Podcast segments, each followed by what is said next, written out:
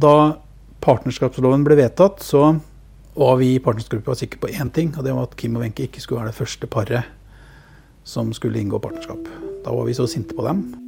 Du hører på Skeiv historie fra Skeivt arkiv ved Universitetet i Bergen. Mitt navn er Bjørn André Vidvei. Her hørte vi Kjell Erik Øie fortelle om hvorfor han opprinnelig mente at Kim Friele og Wenche Lowzow ikke skulle være de to første som fikk inngå partnerskap i Norge, da det endelig ble mulig i 1993. I år er det 30 år siden partnerskapsloven ble innført i Norge. Det er tema for dagens podkastepisode. Vi hører litt mer på Kjell Erik Øie. Eh, så var jeg på Tøyenbadet, jeg husker til og med hvor det var. Der møtte jeg en fyr som heter Klaus Jervel, som var en uh, homoaktivist. Som nå jobber i Likestillings- og diskrimineringsombudet. Og så prata vi om dette her, og så ja, hvem skal nå være de første nå, da? Og sånn. Så sa jeg ja, det er én ting som er sikkert, at det ikke skal være Kim Friele og Winkel også, sa jeg. Eller noe sånt. Så sa han mener du det? Ja, det mener jeg. De har jo vært imot, og de har jo Men kjære deg, sa han. Den feiringa er jo ikke for deg. Den er jo for homobevegelsen det må jo være de som er liksom de store i homobevegelsen som må være de første. må du tenke deg om. Og så tenkte jeg meg om, og så tenkte jeg ja, han har helt rett. Vi må bare svelge dette. dette ja. Veien fram mot en partnerskapslov i Norge var lang og kronglete. Kim Friele hadde i mange år vært en markant og sterk generalsekretær i DNF 48, mens Kjell Erik Øie etter hvert ble leder i samme organisasjon. De to hadde tidvis mange uenigheter, deriblant òg om partnerskapsloven, som Friele opprinnelig var imot fordi hun mente den på mange måter bare kopierte ekteskapet til mann og kvinne, og heller ikke hadde med noe krav om adopsjon for likekjønna par. Og dermed laget en B-versjon av ekteskapet for homofile og lesbiske, mente hun. Men 6.8.1993 var altså uenighetene lagt til side, og Kim Friele og Wenche Lovsov skapte norgeshistorie og mange bilder i historiebøkene, bunadskledde og nygifte foran rådhuset i Oslo. Men de aller første som inngikk partnerskap i Norge, var likevel Arne Otto Melsom og Asle Tollefsen. De inngikk sitt partnerskap i Skien tre dager før, 3.8.1993. Registrert partnerskap, samliv mellom to personer av samme kjønn i lovmessige former, virker som en selvfølgelighet i dag, ikke minst siden en ny kjønnsnøytral ekteskapslov òg ble vedtatt i 2008. Men partnerskap var i sin tid en av Norges mest diskuterte emner, både i media og blant folk flest. Ikke minst innad i homobevegelsen. Trond Holten bor i Bergen og var aktiv i homofil bevegelse i byen. Dette forteller han om uenighetene om lovforslaget. Altså, I i, i HBB-miljøet, der hvor vi holdt til, der var det jo veldig mange som var skeptiske til, til nettopp dette her. Det var en av disse her litt eh, konfliktlinjene som lå i bergensmiljøet på den tida her. Hadde, for eh, det utviklet seg jo slik at HBB, eh, det var en, der var det bare menn der. Den, den gangen. Mens forbundet de hadde jo hatt en kollaps rundt 1987 og som måtte gjenoppbygges. Og da ble det nærmest en sånn kvinneorganisasjon. Og de var veldig opptatt av eh, dette med ekteskapet og retten til å få barn og alle sånne ting. Mens vi i, i HBB, i hvert fall en del i HBB, mente heller at uh, de syntes dette her ligna, altså partnerskapet ligna altfor mye på e, et heterofilt ekteskap. Og egentlig så burde vi holde litt avstand til dette her. Men hva var det som var, gale, som var gale med, med et heterofilt ekteskap og det å bli tilnærmet lik det? Hva var det som var motsetningen der? Vi mente jo e, egentlig den gangen at det å være homoseksuell og å være homo, det, det representerer noe, noe annet som vi jo da burde dyrke fram, framfor å prøve å være helt like. Men hva ville det eh, hva betydde det? Tror, vi, ville heller, vi, ville heller, satse på f.eks. kanskje sånt husstandsfellesskap. Med, altså vi ville gjerne ha rettigheter og plikter, mm. men de trengte ikke være absolutt identiske. Og det trengte slett ikke være en sånn pakkeløsning. Vi, men, vi, den gangen var det mange som syntes at ekteskapet jo var litt umoderne. For du, du kjøpte jo en hel pakke. Og det, og, det, og det, tenkte vi da at det ville være mer moderne å ha noe hvor vi heller kunne da knytte rettigheter og plikter opp mot hverandre og, så, og, og velge hva vi egentlig ville ha i, i dette her. Det være, vi så på, kanskje på det å, være, å leve homofilt, leve i partsomt, som en, mer, en, en ny og kanskje på sett og vis en mer moderne livsform. DNF 48 og Fellesrådet for homofile og lesbiske organisasjoner i Norge satte sammen ei partnerskapsgruppe for å jobbe fram en partnerskapslov i Norge. De var aktive fra 1988, og allerede året etterpå, i 1989, kom en stor inspirasjon etter at Danmark innførte en partnerskapslov. Gruppa besto av Kjell Erik Øie, Mette Sørensen, Karin Enderud, Anne Margrethe Lund, Nils Riedel, Anne Holøyen og Torstein Tranøy.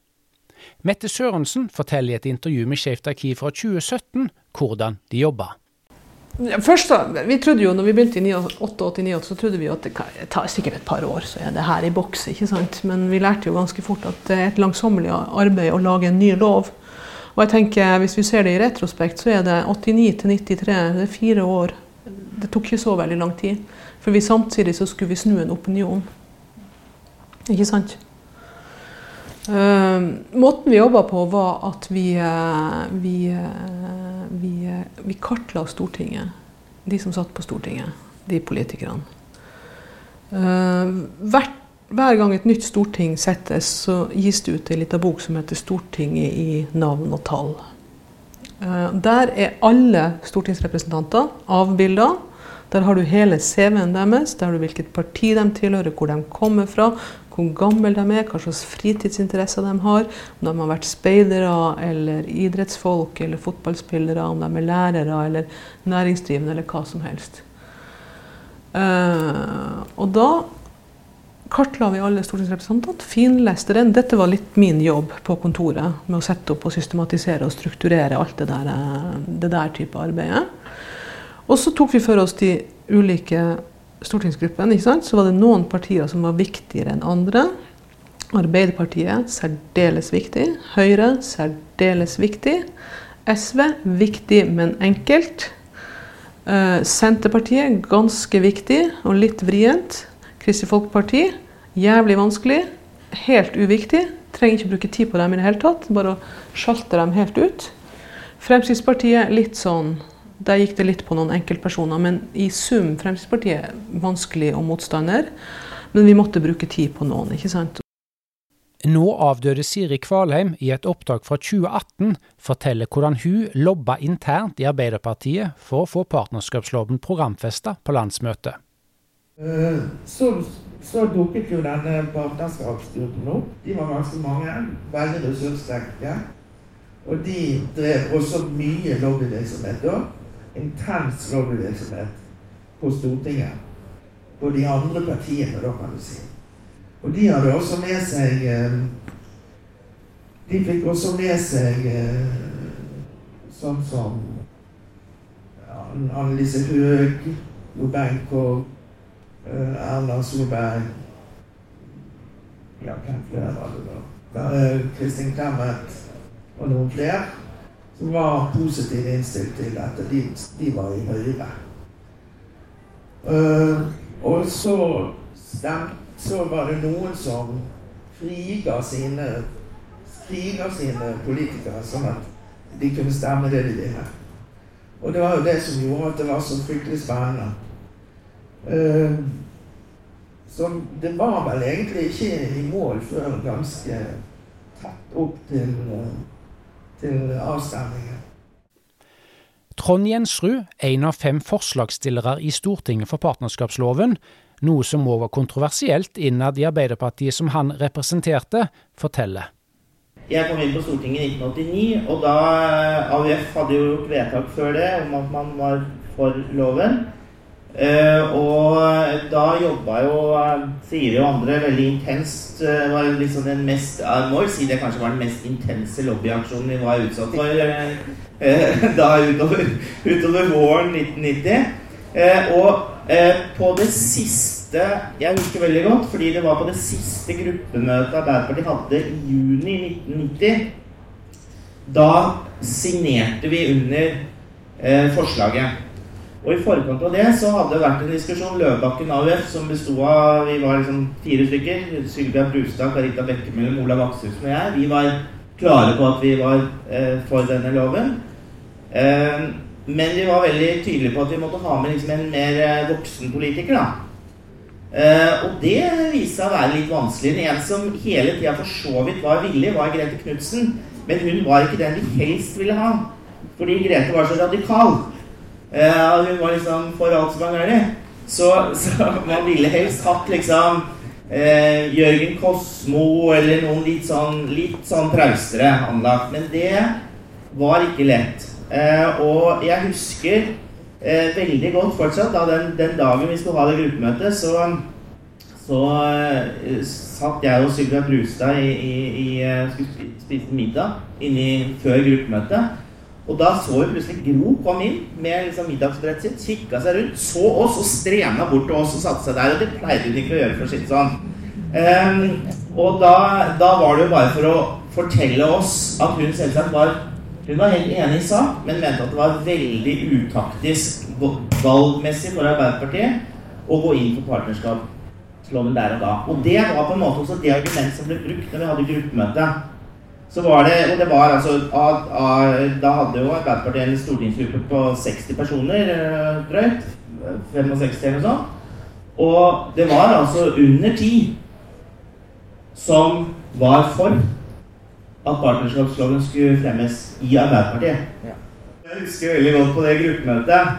Så um, Jeg har vært litt i tvil om jeg skal si det her, men jeg, jeg, det er så lenge siden at det er vel lov å røpe ting fra interne behandlinger. Ja. Men jeg husker veldig godt da at uh, Kjell Opseth han gikk på talerstolen i stortingsgruppa. Han representerte jo Sogn og Fjordane.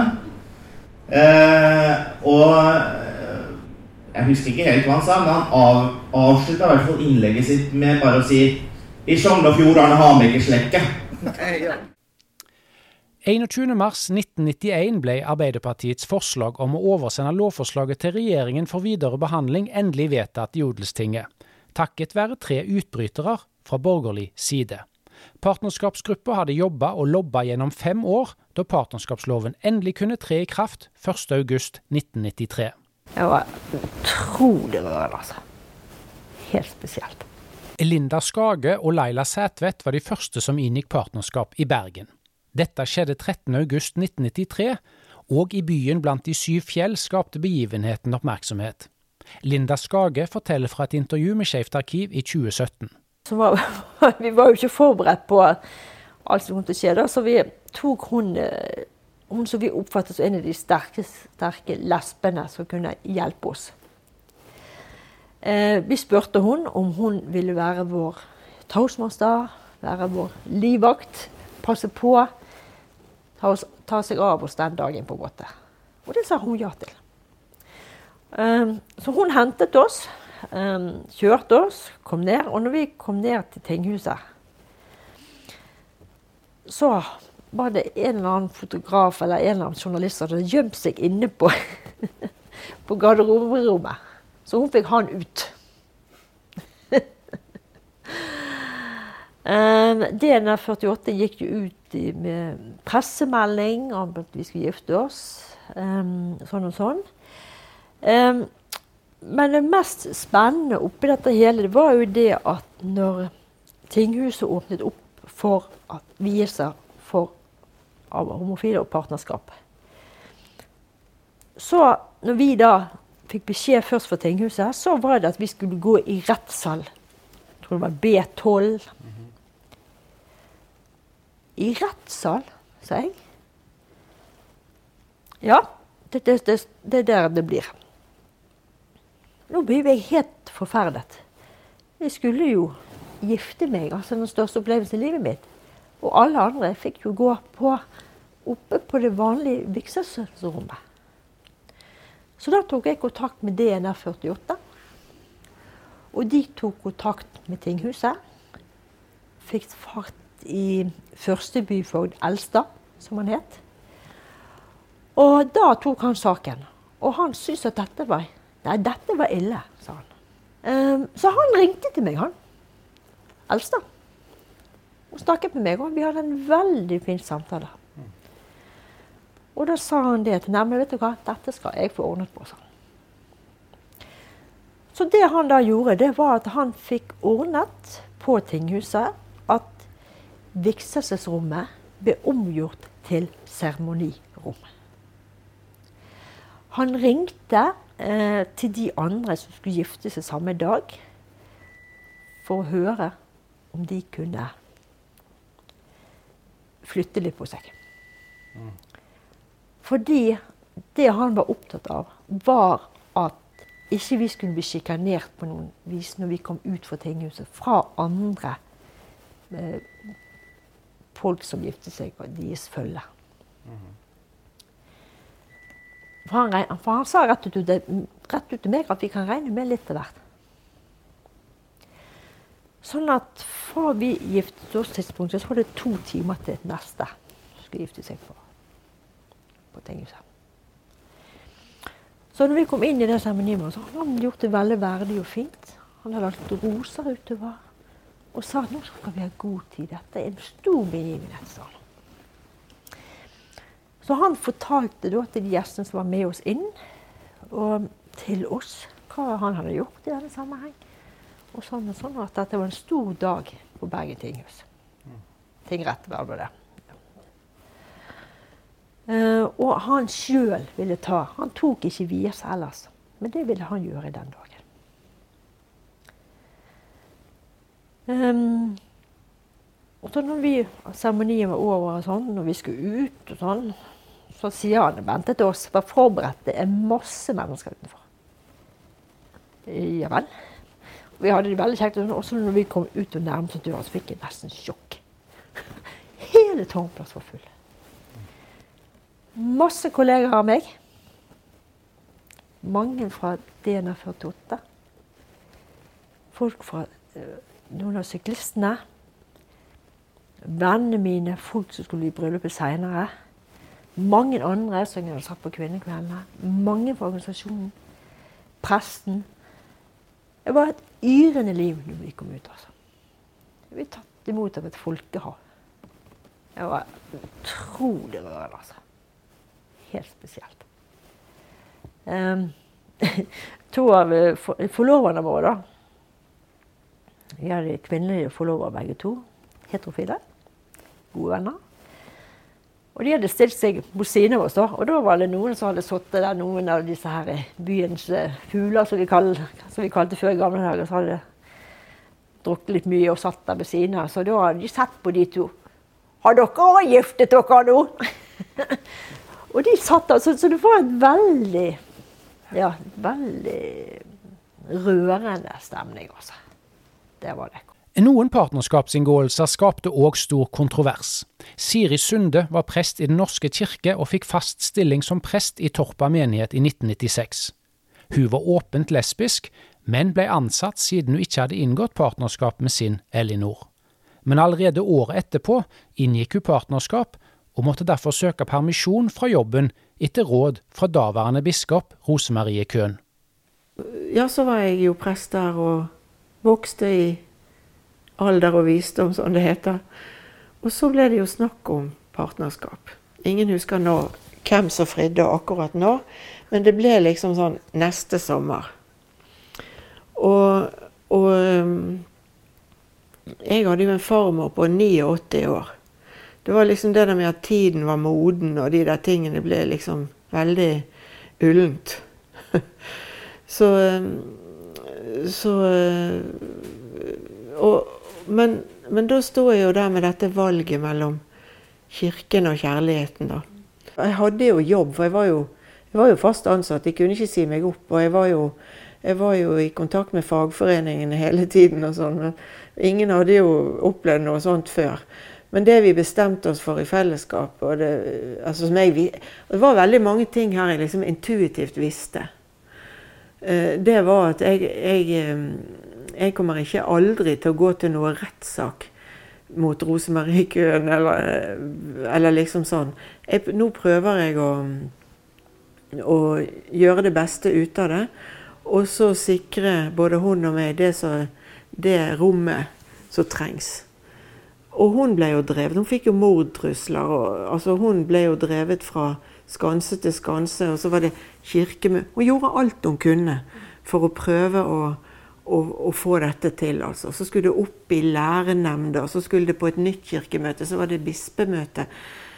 Eh, så skulle de og de høres og spørres og alt mulig.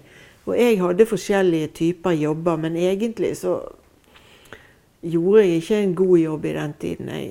Var, det var bare én ting som sto i hodet på meg, og det var at jeg måtte ha jobben min igjen.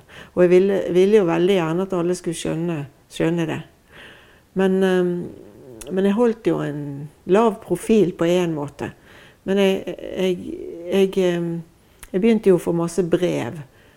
Eh, støttebrev og andre brev. Og det var jo et kjør og et press. Sunde var i permisjon i påvente av kirkemøtets behandling av homofilisaken, og deretter i påvente av biskop Køhns framleggelse av saken for lærenemnda i Den norske kirke.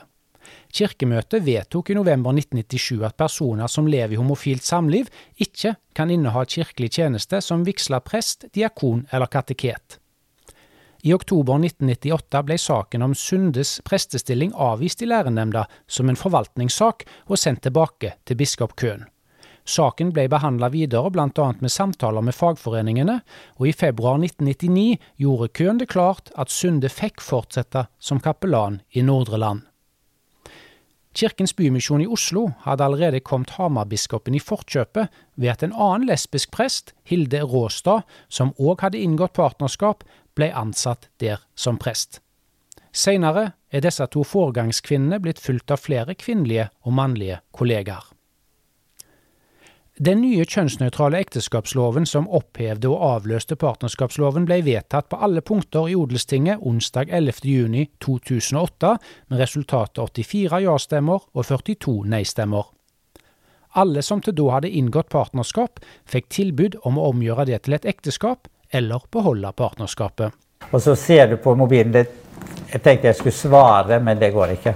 Det var bare ble med for plutselig. Og da tok det helt av.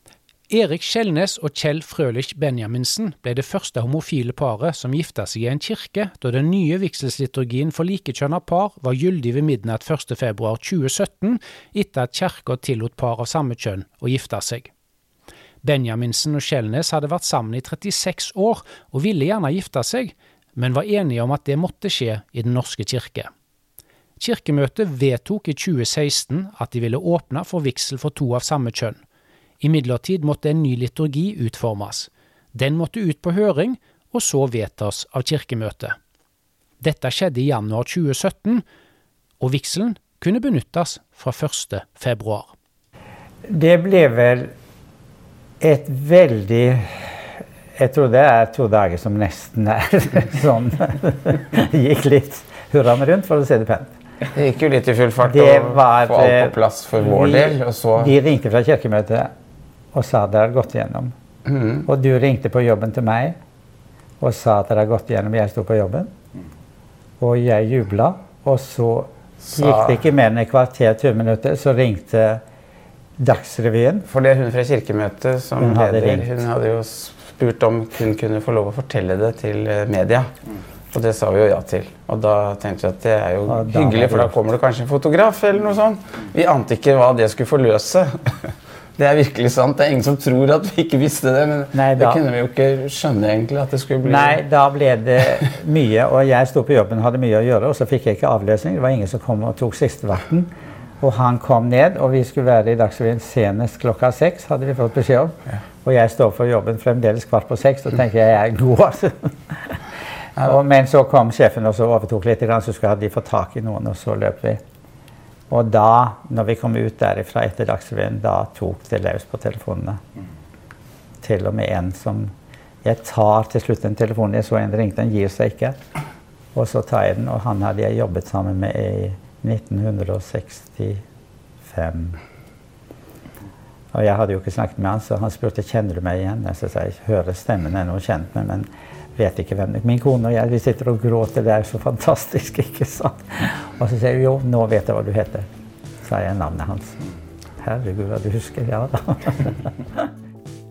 og vielsen fant altså sted i Eidskog kirke med sogneprest Bettina Ekbo, og en fullsatt kirke som vitna den historiske begivenheten. Inngåtte partnerskap i perioden det var mulig i Norge fra 1993 til 2008, var totalt på 2718, ifølge tall fra Statistisk sentralbyrå. Du har hørt på podkasten Skeiv historie fra Skeivt arkiv ved Universitetet i Bergen. Mitt navn er Bjørn André Vidvei, og produsent var Jo Gjelle. Takk for at du hører på.